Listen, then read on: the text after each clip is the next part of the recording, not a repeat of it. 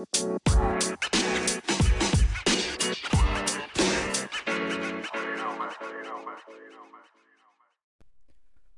assalamualaikum, selamat morning. Apa kabar semuanya?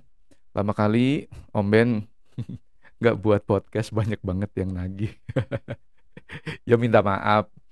Lagi capek, lagi capek, lagi kita di kantor lagi mulai menjalankan uh, sistem OKR di semua karyawan. Objek, objective and key results. Kalau teman-teman udah pernah tahu itu. Dan itu eh, ngerasa makan banyak waktu banget belum waktu gue sekarang juga dipakai untuk ngebantuin beberapa programnya pemerintah. Jadi ya emang kemakan sana sini gitu waktunya dan exactly itu yang pengen gue obrolin di sini. Di podcast yang kayak ini ya yang sekarang ini gue ingin ngobrolin tentang bagaimana juggling kehidupan profesional kita sama keluarga kok kadang-kadang difokusin ke profesional keluarga ngambek-ngambek difokusin ke keluarga profesional keteteran gitu ya terus akhirnya ujung-ujungnya kita sendiri yang stres gitu. Dan itu ternyata nggak harus begitu ada hal-hal yang kita bisa pelajari yang kita bisa jalankan dan mengurangi stressful uh, stress level itu dan basically malah membuat produktivitas kita lebih tinggi kita lebih sehat kita lebih uh, produktif kan enak ya. Kalau bisa seperti itu gimana caranya ya kita obrolin sesudah ini? So pernah kenal sama John Doerr nggak? Pernah dengar namanya aja. John Doerr ini salah satu bapaknya Silicon Valley. Dia investor dari perusahaan-perusahaan gede di sana termasuk Google misalnya.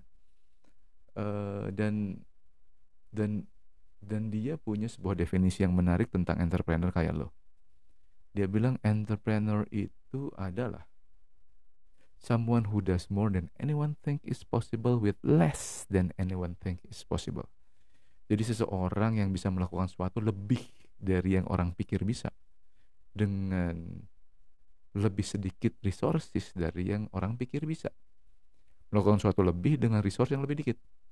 Itu sebabnya kenapa kamu merasakan stres.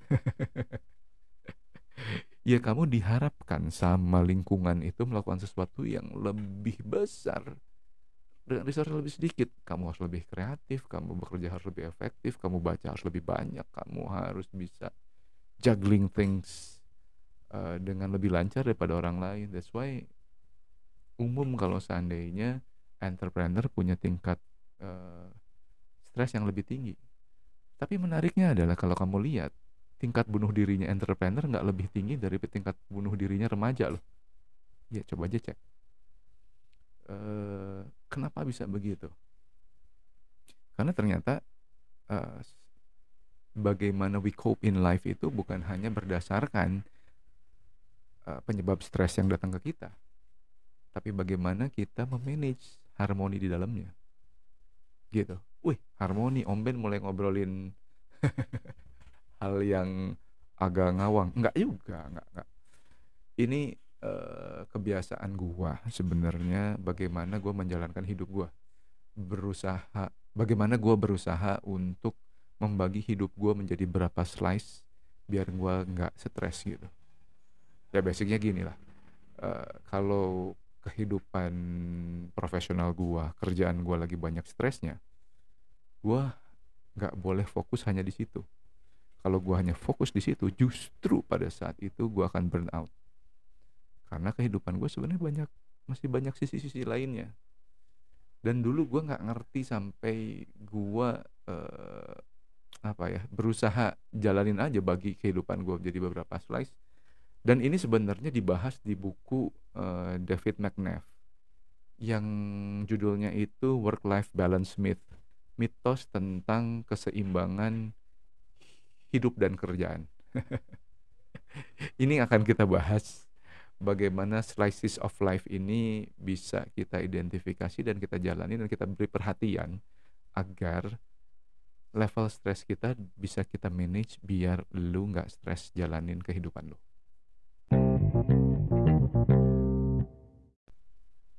Jadi di bukunya David McNeff ini di dalamnya tuh ada sebuah fakta uh, yang mengatakan bahwa 76% orang Amerika itu merasa burnt out di pekerjaannya. Dan satu dari empat orang Amerika itu kecapean juggling antara urusan pekerjaan sama keluarganya dia. Ini nggak ada data di Indonesia-nya, tapi gue pikir dengan tingkat kemakmuran kita di bawah itu, terutama di kota-kota, ini bisa jadi angkanya kurang lebih sama. Gue nggak yakin dengan angka di desa. Di desa, they tend to be happier seharusnya.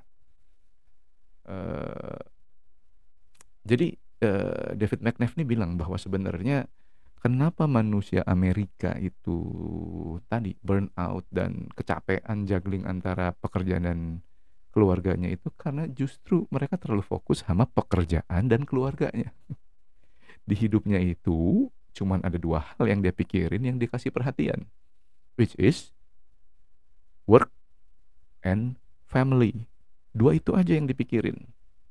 Padahal menurut uh, eh, Mr. McNabb ini sebenarnya ada area-area lain yang harus kita harmoniskan dan gue baru nemuin buku ini sesudah gue jalanin jadi gue baru nemu buku ini nggak lebih dari sebulan yang lalu uh, dan sebenarnya gue sudah cukup lama ngejalanin sebagian dari yang dikatakan sama buku ini jadi di buku ini dibilang gini jadi bahwa uh, sebenarnya kamu harus memberikan perhatian dan mengharmoniskan tidak hanya dua itu. Oke, okay, satu kamu punya uh, keluarga, dua kamu punya kehidupan profesional, betul? Satu dan dua. Tapi nomor tiga, kamu punya kehidupan personal, diri kamu sendiri. Di luar keluarga dan di luar profesional, di luar pekerjaan kamu, itu ada diri kamu personal. Yourself gitu ya yang harus kamu perhatikan juga. Keempat, ada ada vessel kamu, fisikal kamu, kendaraan kamu, si badan kamu itu kan kendaraan kamu untuk hidup. Dan karena kendaraannya itu uh, eh, kak diri kamu tuh numpang di kendaraan ini otomatis kan berarti kendaraannya harus dibuat tetap bagus juga kan? Ya sama aja kayak lu naik mobil gitu loh. Lu dari rumah nih mau ke kantor pengen nyaman. Kamu hanya memikirkan diri kamu. Ya nggak bisa. Mobil kamu mesti dikasih perhatian gitu loh. Iya kan? Kalau mobilnya nggak dikasih perhatian tiba-tiba bannya asnya patah diri kamu nggak akan nyaman kalau tiba-tiba patah tengah jalan bener nggak jadi fisikal juga harus kamu beri perhatian lalu apa coba intelektual kalau kamu ingin nyaman hidup sisi intelektual kamu tuh mesti dikasih perhatian juga, dimanjain. Lalu sisi emosionalnya juga mesti kamu kasih perhatian. Dan yang terakhir dan kalau sebagai muslim ini paling penting justru adalah sisi spiritual. Spiritual kamu apa kabar? Dikasih perhatian apa enggak? Jadi clear ya di sini kita kalau mau enggak stres justru perhatiannya harus dipecah paling tidak kalau kata McNabb ini jadi tujuh slice tujuh bagian yang harus diharmoniskan keluarga profesional personal fisikal intelektual emosional dan spiritual. Katanya kalau kita mau tahu keadaan orang sebenarnya kan sederhana ya. Kita tanya aja dia apa kabar bung? gitu ya. Apa kabar sob? Apa kabar bro? Itu itu sebenarnya dari jawabannya dia nanti itu tergambar sebenarnya seperti apa uh, apa ya keadaan internalnya dia. Ada orang yang jawabnya kan oke okay. ada yang ya lumayan lah gitu atau pahit-pahitnya malah jadi curhat gitu ya ya gue lagi capek nih ini gini ini gini ini jadi panjang gitu. Nah itu tuh kan bisa bisa kebaca sebenarnya sedang seperti apa teman kita ini gitu ya. Orang yang jawabnya datar sebenarnya mungkin lebih buruk dari datar loh apalagi kalau orangnya terbuka. Kalau orangnya terbuka dia keluarnya kan jadi curhat panjang gitu ya. Eh ternyata katanya orang-orang yang berhasil dalam kehidupan dalam mengelola kehidupannya dia biasanya jawabannya katanya dia biasanya cukup optimis ngelihat masa depan. Uh, kalaupun lagi susah dia mungkin jawabnya iya iya ini lagi repot nih tapi uh, ntar lagi juga minggu depan kayaknya beres ini. Udah beres ini kayaknya gue udah bisa lebih banyak main lagi. Nah orang yang ngelihat masa depannya masih optimis kayak gini biasanya walaupun hidupnya lagi capek sebenarnya kondisi internalnya sehat. Gitu. Karena orang-orang kayak gini biasanya tadi uh, dia bisa memberikan perhatian terhadap seven slices of his life gitu. Personal life-nya dia masih keurus itu bukan cuman pekerjaannya bukan cuman keluarganya yang dia dia urus tapi sebenarnya yang ketiga adalah dia ngurusin personal life-nya dia personal slice of life-nya dia. Hobi cita-cita pribadi itu masih dia kejar masih dia kerjain dan dia kejar. Podcast ini ini bagian dari personal slice saya bukan bagian dari professional slice saya. Asli ini nggak ada hubungannya untuk gua saat ini buat podcast sama professional slice. Gua membuat podcast ini sengaja kan uh, di Spotify sama di Apple Podcast. Kenapa? Karena di depan nggak akan kebaca berapa yang dengerin. Untuk yang mau dengerin itu lebih enak ke mentalnya dia gitu ya. Gak perlu ngerasa ngedengerin podcast yang rame dan kepada gua pribadi juga itu enak karena gue nggak ngerasa bahwa gue buat sesuatu yang mesti didengerin sama orang berapa ribu kali gitu. Nggak ngerasa juga ada yang dengerin untung. Alhamdulillah nggak ada yang dengerin ini mah hobi gue untuk gue so uh, ketika gue podcast ini ini banyak sekali manfaat ke guanya sebenarnya dibandingkan gue nggak tahu manfaat ke lu nya seperti apa. Karena ini adalah personal slice hidup gue gitu loh Well, of course suatu saat gua ingin kehidupan gua lebih banyak melakukan ini, lebih banyak podcasting kayak gini mungkin. Uh, tapi gua sadari ini belum saatnya, sehingga gua berikan attention, gua berikan waktu, tapi gua nggak ngepush diri gua, nggak ngepush seperti gua bagaimana misalnya melakukan rapat-rapat di di torch gitu. Yang harus disiplin. Senin jam gini sampai jam segini jam segini Selasa jam segini jam segini itu meetingnya apa aja semuanya udah ada di Google Calendar gua tuh di luar personal slice ini yang teman-teman nggak tahu perhatikan apa enggak physical slice gue jaga banget. I don't smoke. I don't drink coffee. I don't drink or eat anything yang membuat gue ketergantungan. Gue pernah ngerokok iya. Gue sekali-sekali ngopi iya. Tapi gue nggak mau uh, itu jadi sesuatu yang apa ya membuat gue ketergantungan gitu. Itu aja sih syaratnya kalau gue dan gue selalu berusaha berolahraga dan gue cari olahraga yang nyaman untuk gue nggak maksa misalnya gitu. I'm in my 40s now. Sudah sudah harus sadar diri bahwa gue harus mengurangi olahraga yang kompetitif sehingga gue dalam lima tahun terakhir gue naik sepeda. Gue bisa lebih ngatur apa ya hmm, ininya lah apa namanya ritmenya gitu ya. Kalau kompetitif ya enggak lah. Maksudnya pekerjaan gue sangat kompetitif olahraga bagi gue harus less kompetitif harus lebih lebih nyaman lah lebih enak aja gitu loh. Uh, lebih banyak efek positif ke badan dibandingkan uh, apa uh, apa yang namanya perasaan bahagia karena kompetisi gitu. Nggak untuk gue olahraga sekarang udah bukan itu. Lalu intellectual slice. Ini gue uh, ini nggak tahu ya ini ini ini sesuatu yang sangat membuat gue nyaman. Sangat membuat nyaman dengan saya baca satu dua blink per hari. Blink itu uh, ringkasan dari buku. Saya baca meluangkan waktu 20 sampai 40 menit per hari untuk baca satu dua blink per hari kalau hari itu nggak sempet gue bales biasanya di hari besoknya. Atau kadang-kadang di weekend. Di weekend baca kalian empat blink kadang-kadang gitu no problem juga. Orang waktunya uh, luang gitu kan. Saya saat ini belajar di Duolingo 15-20 menit. Belajar bahasa 15-20 menit per hari. Itu biasanya dimulai jam setengah enam 15-20 menit gue baca Duolingo. Itu kadang-kadang gue ganti-ganti sama uh, naik sepeda. Kalau misalnya gue pakai waktunya untuk naik sepeda terus setengah enam nanti Duolingonya gue balas gue balas di besoknya.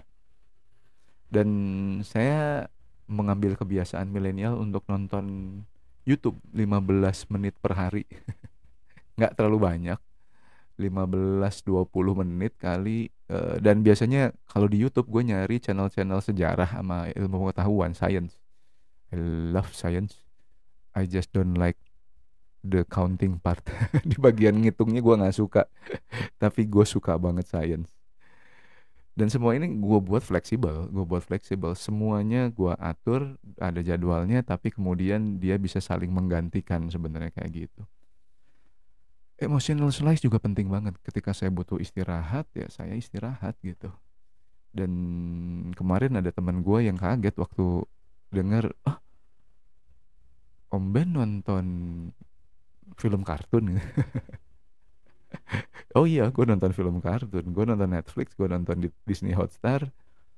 Ah, biasanya kalau film gue tonton sebelum tidur.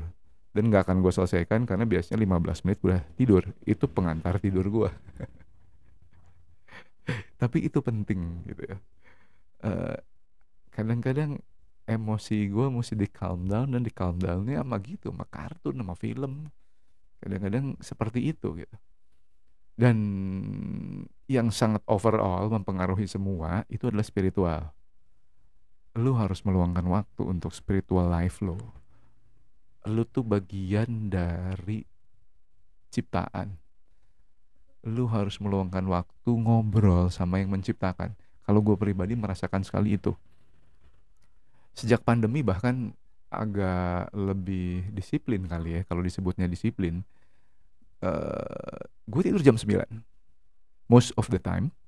Saya tidur jam 9, saya bangun jam 3.20. Uh, eh, alarm tuh bunyi 3.20 karena gue sadar gue butuh 10 menit untuk sadar gitu ya. Untuk bener-bener ting gitu ya. Ada clear banget tuh jam 3.30 3.30 baru mulai tuh. Perhatiin spiritual life. Uh, eh, gue terusin sampai setengah enam itu di mana setengah enam gue mulai baca. Gue mulai baca buku eh, kadang-kadang ini interchangeable lah agak diganti-ganti sama baca email sama laporan penjualan. Gak apa-apa. Buat se-fleksibel itu tapi paling tidak kamu tahu kamu harus mengalokasikan perhatian kepada tujuh sisi itu.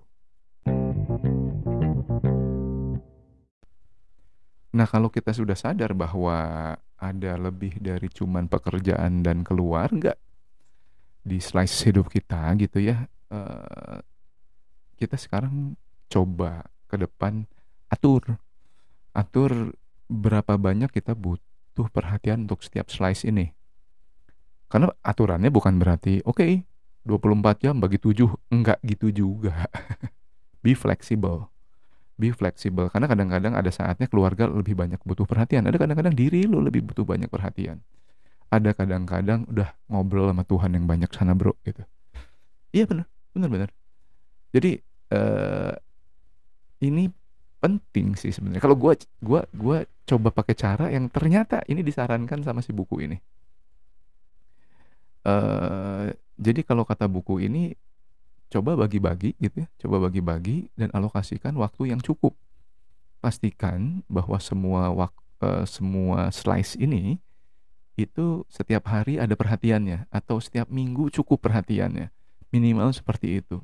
Kalau gua sendiri gue sendiri menggunakan app gratisan bernama Google Map eh Google Maps Google Calendar kemarin teman gue ada yang nanya Om Ben itu uh, sholat dimasukin ke Google Calendar. Dia bingung deh ngelihat gue masukin sholat ke Google Calendar. yes, uh, bukan sholat yang lima waktu sih. sholat yang malam itu gue masukin ke Google Calendar. Karena kalau Google kalau sholat lima waktu mah ya udah harus lah ya gitu. Tapi sholat yang uh, sholat malam tuh gue masukin Google Calendar dengan tujuan bahwa gue bisa beri warna di dalam Google Calendar. Heeh, karena gue gini gue gini ngerasa apa gimana ya? Kayak ya gue tuh eh, gue bukan muslim yang sudah hebat lah jauh dari seorang ustadz gitu ya. Sehingga gue ngerasa bahwa kalau di antara semua sholat sholat gue yang paling dekat sama Allah itu adalah sholat yang malam bisa fokus bisa bisa minta tolong bisa mau nangis tuh bisa di situ gitu kalau sholat zuhur mah susah gitu kalau untuk gue gitu. makanya gue masukin Google Calendar tuh dan gue kasih warna hijau uh, ya aktivitas yang hubungannya sama sama ibadah gitu sama gua gua kasih warna hijau di Google Calendar. Kalau rapat-rapat gua kantor gua kasih warna biru. Kalau hal-hal yang bertemu dengan orang baru, mau itu kantor, mau itu senang-senang gua kasih warna uh, oranye warnanya. Karena untuk gua sosial itu penting. Jadi gue selalu melihat warna oranye cukup apa enggak di uh, kalender seminggu tuh. Sama kayak gue ngelihat hijaunya cukup apa enggak. Jangan sampai birunya banyak tapi kebanyakan. Gue nggak mau terjebak di pekerjaan gue. Di antaranya seperti itulah. Uh, emang gue kasih kasih warna. Kenapa? Biar nggak kaku gitu loh. Maksudnya gue nggak mau membaginya kemudian menjadi oh olahraga harus sekian jam ini harus sekian jam ini harus sekian jam. Nggak juga sih. Kalau gue pribadi nggak kayak gitu. Gue cukup melihat Google Calendar gue warna-warninya cukup apa enggak kalau dia masih warna-warni kehidupan gue masih warna-warni. Maksudnya gitu. Uh, dan ini cukup berimpact sih untuk gue untuk uh, apa ya namanya hasilnya adalah gue memang jadi cukup cenderung lebih bahagia gitu. Kalau ngelihat kalender gue warna-warni emang bener ternyata kehidupan gue cukup warna-warni cukup berwarna dan biasanya itu less stressful. Oke, sebagai penutup aja nih. Jadi kalau kita udah menyadari bahwa hidup kita ini ada seven slices or more bahkan gitu ya nggak menutup kemungkinan kan ya teori baru paling tidak kita tahu bahwa slice-slice ini itu sebenarnya bagian dari hidup lu dan membuat hidup lu uh, bermakna dan bahagia gitu sehingga kalau misalnya satu atau dua slice ini goyang even runtuh kamu sadar bahwa ini cuma satu slice dari sekian banyak slice lain yang kamu sudah berikan perhatian dan menyumbangkan kebahagiaan dan kebaikan pada diri kamu gitu. Kamu akan selalu bisa, oke okay, yang ini jatuh, berpikir seperti itu ya, bahwa yang ini jatuh, tapi kan gue masih dekat sama Tuhan. Gue masih dekat sama uh, teman-teman gue. Bisnis gue masih jalan. Bisa seperti itu gitu. Kalau bisnisnya lagi hancur keluarga gue masih support gue. Gue masih bisa curhat malam hari ke Tuhan. Gue masih bisa curhat ke teman-teman gue. Gue bisa masih bisa baca buku untuk memperbaiki kemampuan gue untuk mulai bisnis lagi. Nah kalau kita udah kayak gini akan cenderung lu akan lebih siap untuk jadi pengusaha dan ngegedein brand lu yes nggak cukup kemampuan kamu untuk bisa mengelola karyawan. Coba kelola slice hidup kamu ke depan. Oke sob, sampai ketemu lagi. Mudah-mudahan lu mau mencoba mempraktekannya. Assalamualaikum warahmatullahi wabarakatuh. Selamat morning.